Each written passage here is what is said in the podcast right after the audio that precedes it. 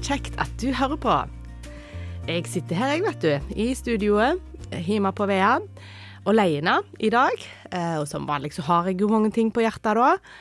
Og jeg har gitt temaet til denne episoden eh, og kalt det for Levende vann. Og på mange måter så henger det i sammen med episode nummer 19, eh, som heter Å lengte etter kjærlighet. Den historien om kvinnen ved brønnen har truffet meg, og har talt mye til meg. eh, Og jobba i meg denne våren og eh, sommeren. Og jeg syns jo nå òg når uh, sommeren er her og gjerne sola skinner hardt og eh, behovet for vann blir mer synlig. Eller òg gleden over vann, å kunne bade i vann, eller om det er sjø eller hvor det enn er. Eh, dette med vann og levende vann, det har talt mye til meg. Og det er det jeg vil dele litt mer om nå.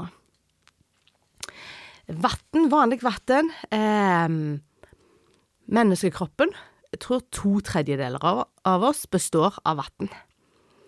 Vi trenger vann inni kroppen vår, og vannet renser kroppen vår eh, og, og holder oss på en måte friske. Og vi kan ikke leve uten vann. Vannet renner akkurat som ei elv inni kroppen vår og gjennom kroppen vår. Mennesket trenger vann. Faktisk så er menneskekroppen lagd sånn at den kan leve ganske lenge, opp mot en måned, i, uten mat, hvis en får vann. Men hvis eh, vi ikke får vann heller, menneskekroppen ikke får verken mat eller vann, så kan vi ikke leve mer enn noen dager. Jeg tenker det sier mye når Bibelen bruker det bildet, at eh, Den hellige ånd er levende vann for oss, eh, og at eh, Jesus sier vi trenger vann for å kunne leve som åndelige eh, liksom, ja, etterfølgere av han, så, så syns jeg det sier noe om at ja, faktisk så kan vi ikke gå mange dagene uten å ha kontakt med han, uten å være påkobla den kilden som han er. Eh, og det syns jeg er så bra. Um, skal lese noen vers i eh, Johannes kapittel 7, vers 37 til 39. Da sier Jesus, Den som tror på meg, fra hans indre skal det, som Skriften sier, renne elver av levende vann. Dette sa han om ånden som de skulle få. Og dette var jo liksom eh, ganske kontroversielt eh, og radikalt når Jesus kom og sa det på den tida.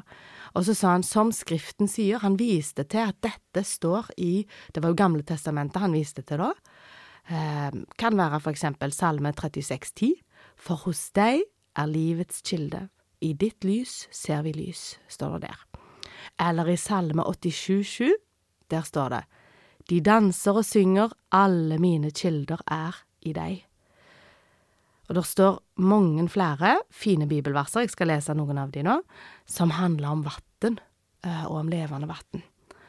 I Jesaja 55,1 så er det på en måte Herrens nådige innbydelse til alle folk. Kom, alle tørste, kom til vannet, sier han. Jesaja 58,11 Herren skal alltid lede deg og mette din sjel i det tørre landet. Han skal styrke kroppen din, så du blir som en vannrik hage, en kilde der vannet aldri svikter. Å, wow, så flott, tenker jeg. Jeg har lyst til å være en sånn hage, tenker jeg. En vannrik hage. En kilde der vannet aldri svikter, der det aldri blir så tort. Det skjer jo gjerne nå på sommeren. Jeg var og gikk tur i går kveld rundt Aurøyvatnet. Det var ganske lite vann der oppe nå, for det har ikke rigna. Men her er det altså snakk om en kilde. Eh, en vannrik hage, en kilde der vannet aldri svikter. Tenk det. Og i åpenbaringen 21,6 så står det, så sa han til meg, det er skjedd, jeg er alfa og omega, begynnelsen og enden. Jeg vil gi den tørste å drikke av kilden med livets vann som gave. Den som seirer skal få dette i arv, og jeg vil være hans Gud, og han skal være min sønn. Og så det siste bibelstedet jeg skal lese, det er Jeremia 17,7. Du må gjerne notere ned dette sjøl òg. Jeg har stor glede og utbytte sjøl av å høre på podkaster eller andakter og taler, og notere. Da er det alltid lettere for oss å huske og lære ting. For én ting er alt som vi tar inn når vi bare hører, eh, men, men, vi husker å lære ting bedre når vi faktisk både skriver det og noterer sjøl, og eh, hører det.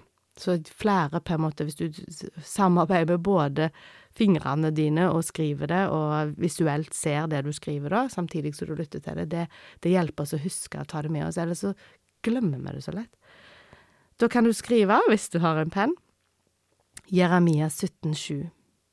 Velsignet er den mann som stoler på Herren og lar Herren være sin tillit. Han skal bli lik et tre som er plantet ved vann og skyter røttene ut ved en bekk. Det frykter ikke når heten kommer, alltid har det grønne blad. Det sørger ikke i tørre år, og holder ikke opp med å bære frykt.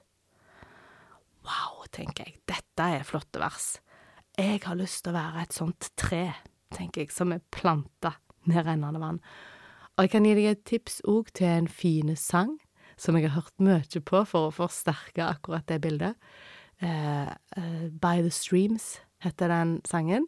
Det er av en som heter Jonathan Ogden. O-G-D-E-N, Ogden. Han har en nydelig låt om akkurat det, om å ville være som et tre planta ved rennende vann. Ja eh, Jeg syns at det er utrolig sterkt og så blir det så enda sterkere da når liksom Jesus sier så tydelig at det, Den hellige ånd er det vannet, er den kilden som kan velle fram inni deg. Og så er det sånn wow, ja, altså når jeg da skal se på mitt liv, er det sånn det skjer alltid? og da kan jeg jo si at nei, det slettes ikke eh, hver morgen at jeg våkner og tenker wow, i dag føler jeg meg som en vannrik hage og en kilde der alt levende godt bare strømmer fram ifra meg. Ifra mitt indre, kan jeg si, så kommer det mye grums. Eh, og det har hendt mer enn én en gang eh, i denne sommerferien at ungene mine sier til meg 'mamma, er du så sinte?' Og det er sånn 'hæ, nei, jeg er ikke sinte', sier da gjerne til og med i en sintetone. Altså, jeg er ikke engang alltid klar over sjøl hvor, hvor streng jeg kan høres ut, eller og at jeg hadde egoistiske motiver som lå bak, og ville fremme min egen vilje. Jeg ville ha gjennom mine Min vilje. Jeg vil. Jeg vil ikke alltid ta hensyn til de andre, for jeg vil gjøre det som er best for meg. Jeg er egoistisk av natur, og det på en måte er det sunt og bra. Vi skal på en måte ha en vilje, Gud har gitt oss en vilje for at vi skal kunne ta avgjørelser og bestemme og gjøre gode valg for oss sjøl, altså. Jeg sier ikke at vi skal utslette oss sjøl, det er viktig å på en måte ha sunne grenser. Men jeg tror at eh, mange ganger så er det egoistisk. Det hadde vært bedre for alle om, om det var den kilden som fikk bestemme inni meg så må jeg minne meg sjøl om at ja, jeg har jo gitt livet mitt til deg, Gud. Jeg har jo satt eh, at jeg, sagt at jeg vil stole på deg, Gud, at du vet best. Jeg vil sette min tillit til deg, som det sto i verset. Eh, og da vil den kilden velge fram. Gud vil gi meg som en gave eh, at det vil At det er hans vilje får virke i meg, og ikke min vilje. Der er en fortelling fra Gamle testamentet, fra andre Mosebok 17,4. Da var det israelsfolket, sant, det var på en måte Guds utvalgte folk som var rundt og vandra i ørkenen. De hadde opplevd at Gud hadde fridd de ut, de var fanger, sant, og så var de blitt befridd ut, og Gud hadde gitt de løfte om et land, og så går de rundt der, eh, og de har sett fantastiske ting, sjøen har åpna seg, overnaturlige ting har skjedd, Gud har virkelig liksom grepet inn. Og så, vet du, blir de leie og sure med en gang. Mange ganger når jeg hørte om dette da jeg var liten, så syntes jeg de var så dumme, de der israelsfolket. De forsto jo ingenting, liksom. Hvordan kunne de glemme så fort? Men i dag så må jeg jo bare si at nå vet jeg at ja, jeg er akkurat som israelsfolket, jeg glemmer. Jeg glemmer hele tida. Og jeg blir sur og lei og klagete og bitter og, og det har skjedd nå. I andre Mosebok 17,4. Da roper Moses til Herren og sa, Hva skal jeg gjøre med dette folket? Snart steiner de meg.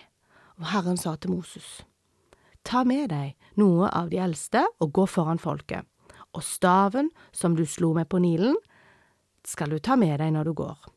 Se, jeg skal stå foran deg på klippen ved Horeb. Når du slår på klippen, skal det komme vann ut av den, så folket får drikke. Så her hadde folket klagt for de var tyste og slitne sikkert, og de var sånn dumme Gud og dumme, og de ville steine Moses, liksom. Han, Moses var redd for at, at folket kom til å steine han, drepe han, eh, for de klagde sånn. Og så kommer Gud med en løsning, sant? Slå på klippen, og så skal det komme vann ut. Gud lot det komme vann rett ut av fjellet, ifra en steingrunn. Og det så nok ikke mulig ut, liksom, for, for oss, sant? Og så tenker jeg, ja, det er akkurat sånn det er.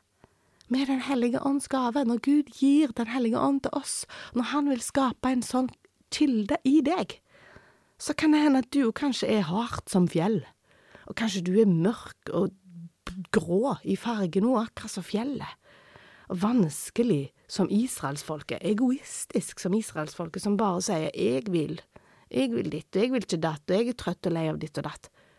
Og så er det så ufattelig godt at Gud, han er nådig Gud, for det slettes ikke fordi israelsfolket fortjente det, at han valgte å gi dem vann.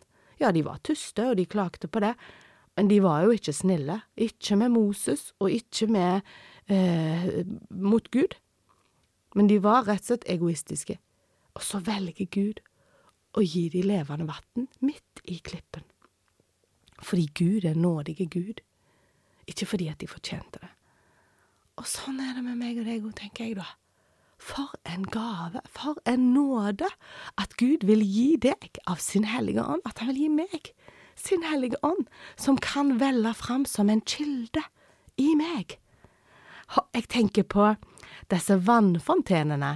Jeg vet ikke om dere har sett dem, men jeg har vært flere ganger inne på Plantasjen og Hageland og sånn, og der har de nå liksom ikke reklame for Plantasjen og Hageland, dette, men de har en del sånne vannfontener. Noen av de er litt snodige, noen av de er litt fine. Det er gjerne noe som ser ut som ei bytte og så en krane, og så renner det vann liksom rundt. Eller noe som ser ut som en trestubbe, og så renner det ned. Eller det kan være tre steiner oppå hverandre, og så renner det liksom vann sånn.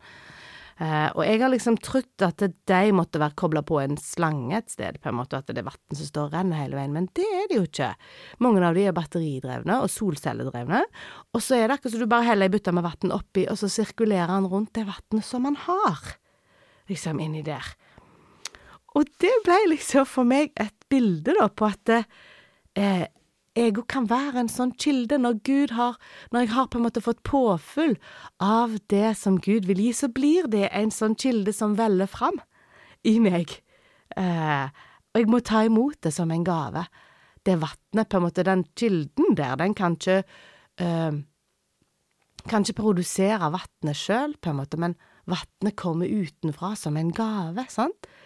Eh, og likt er det når du har tatt imot Jesus, så har du fått kilden, på en måte den evnen til at det kan velle fram, det er gitt til alle mennesker, det.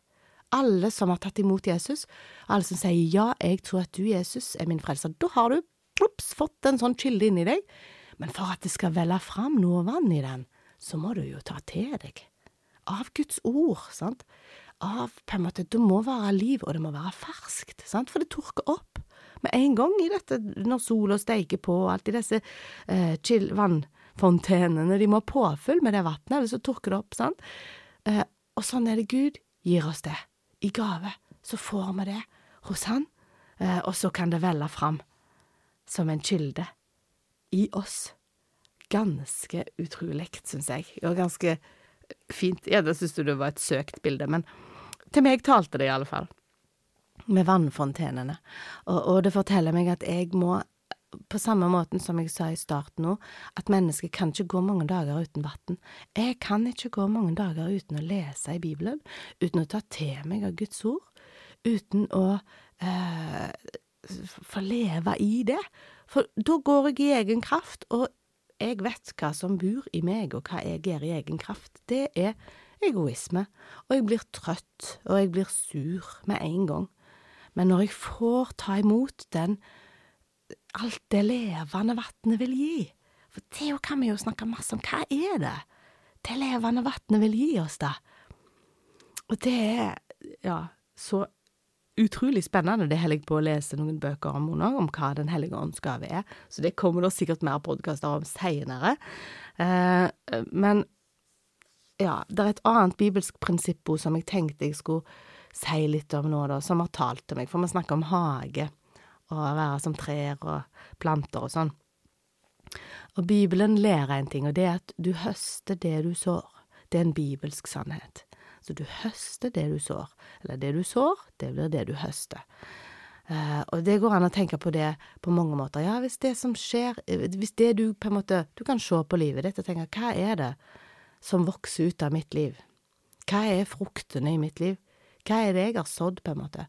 Og hvis det du da kan si at ja, jeg har ganske mye bitterhet, for eksempel, jeg har ganske mye frustrasjon, og jeg har ganske masse eh, dårlige relasjoner, så kan det være at du må se litt på hva er det du har sådd, da. Hva har du sådd inn?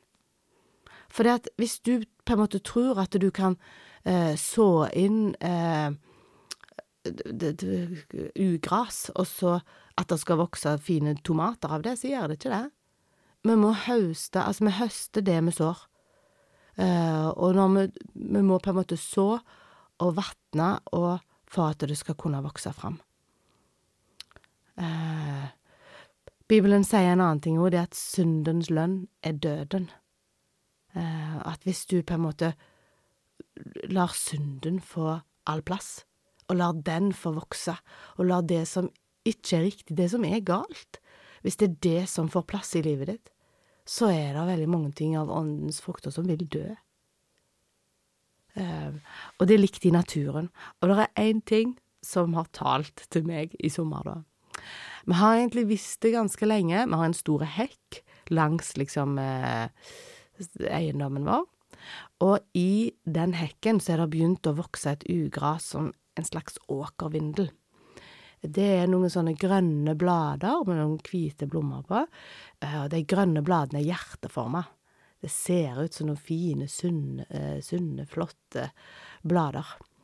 Eh, og det vokser liksom, forgreiner seg bortover i hekken og så tvinner det seg rundt litt og litt rundt liksom små greiner i hekken, litt og litt mer og mer, så kommer det opp til overflaten.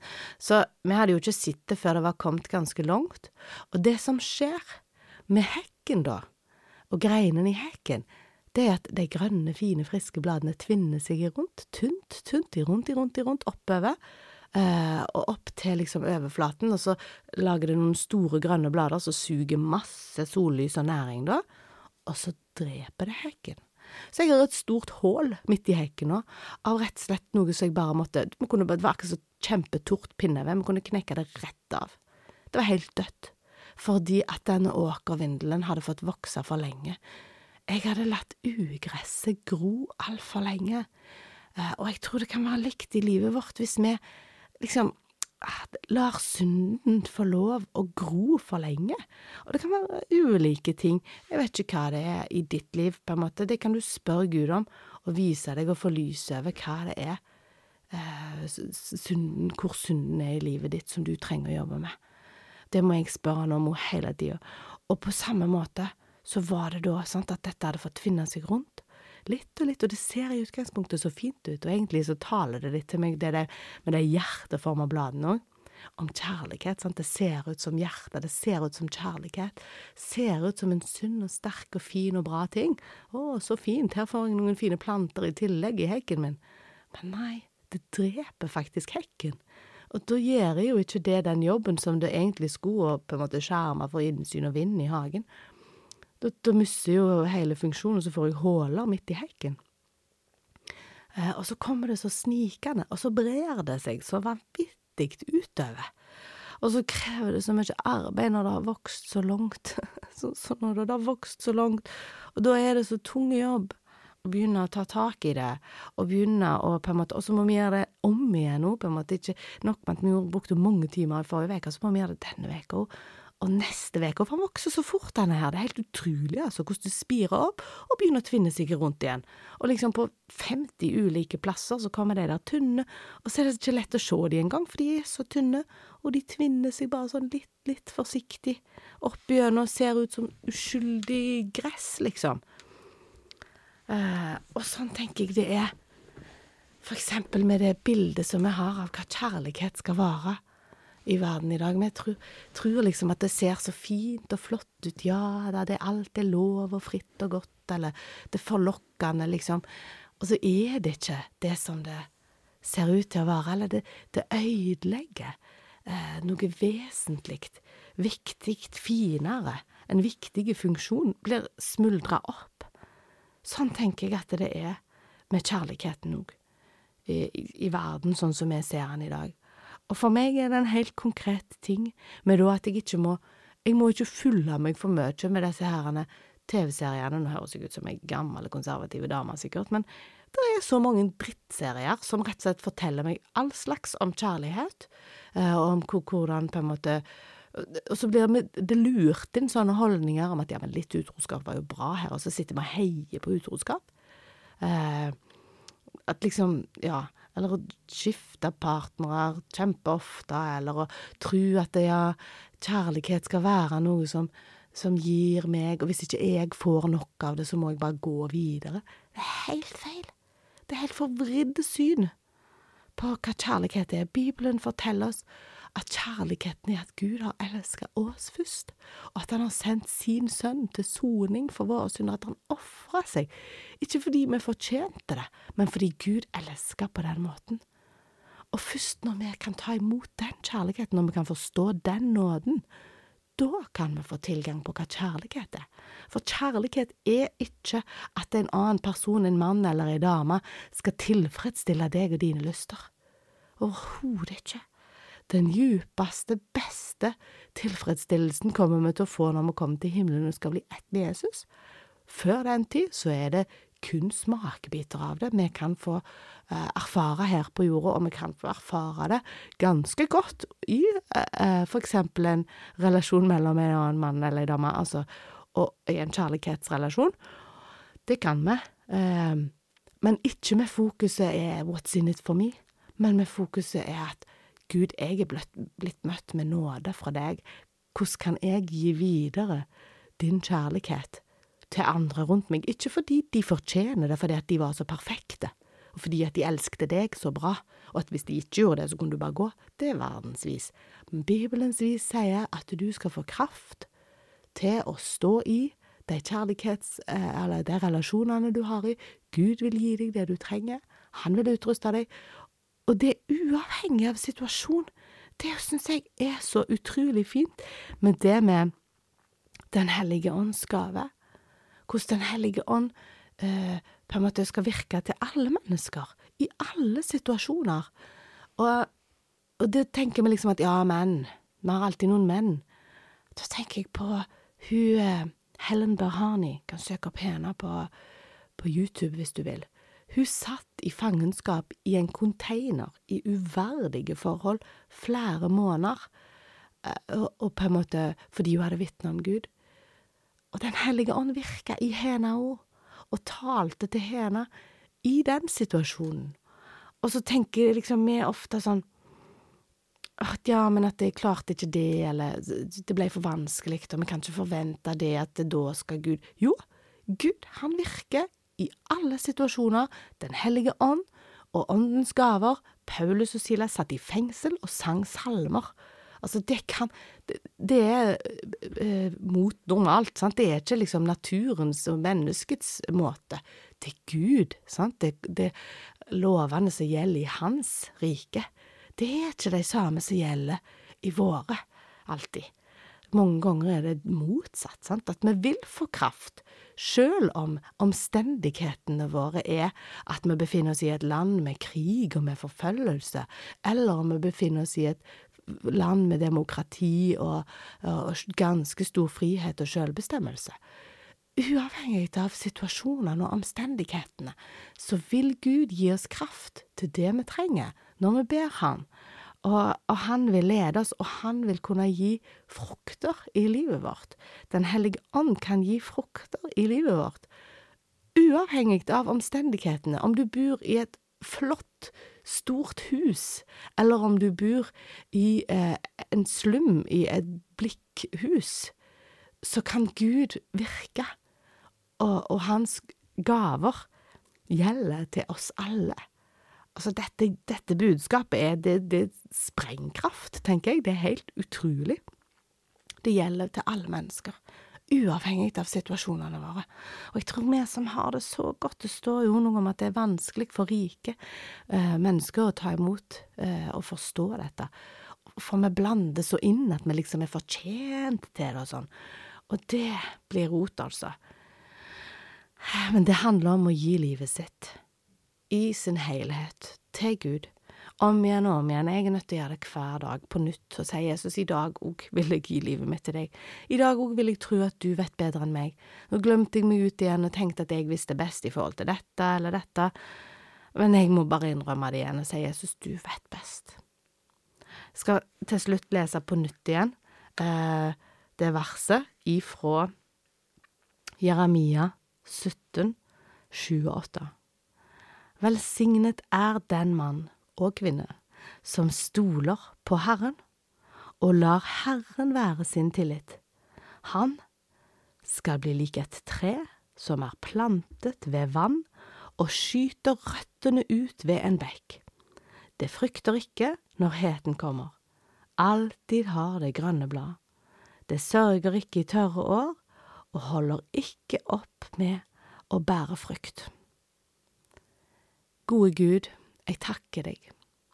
Takker deg for det levende vatnet, for din hellige ånd. Jeg takker deg for at du har gitt oss det som gave, ikke fordi at vi fortjente det, men fordi at du er nådig Gud. Og jeg takker deg, og jeg priser ditt navn, for at du er en nådig Gud, og for at du er en hellig Gud, og for at du har kontroll. Du har full kontroll, Herre, når vi syns at ting virker ka kaotisk ute i våre små liv, så har du full kontroll. Og når vi syns at verden virker kaotisk ute, alt som skjer i verdenssituasjonen, og så mye vondt som skjer i verden, så takker jeg deg for at du har kontroll likevel, Gud. Selv om ikke det ser sånn ut, så har du det, fordi du er en allmektig, hellig Gud. Og det velger jeg å sette min lit til, Herre. Og jeg vil bare kaste livet mitt på deg nå og si at Herre, du vet best. Jeg vil gi deg rett, Herre, i alt i livet mitt. Og Herre, jeg vil at eh, jeg ønsker å være et sånt tre som er planta ved vann, og som setter røttene ut ved bekken der ditt levende vann renner. Takk for at da trenger ikke jeg å frykte når heten eller når stormen kommer. Takk for at da vil du gi grønne blader, og at du vil gi frukt. Og det ber jeg om, Herre, for alle de som lytter på henne. Ber om at eh, Din Hellige Ånd, Herre, må virke i livene våre som den kilden som, som det er. At vi kan få lytte til den kilden, at det, vi kan legge vekk vårt eget. At vårt eget og at synden i oss kan få bli rydda av veien og bli luka vekk om igjen og om igjen daglig at vi kan få komme til deg og bli rensa, at vi kan få plante røttene våre ved dine bekker, og at du kan bli den kilden som vi ønsker, Herre, at du skal være i livene våre, som du vil være i livene våre, ikke bare som vi ønsker, men som du vil. For du vet, Herre, hva som er planen for hver enkelt av oss, og hvordan du har mest bruk for oss. Takk for at du har ulike planer for oss alle, Herre, at mitt liv skal ikke se likt ut som noen andre sitt, at du har kontrollen, Herre, på hva du vil virke fram i hver enkelt av oss. Det takker jeg deg for, Herre, og jeg priser deg for det, og ber om at eh, du må virke det i livene våre, at sommeren ikke får bli ei tørketid, selv om sol og varme og eh, at det kan bli tørt rundt oss, så ber vi om at vi kan få lov å være planter med rennende vann, at du må virke, Herre. Legg oss i dine gode hender og ber om din velsignelse over livene våre, Herre. Herren velsigne deg og bevare deg. Herren lar sitt ansikt lyse over deg. Herren løfter sitt åsyn på deg. Herren gir deg av sin nåde og Herren gir deg av sin fred. Amen.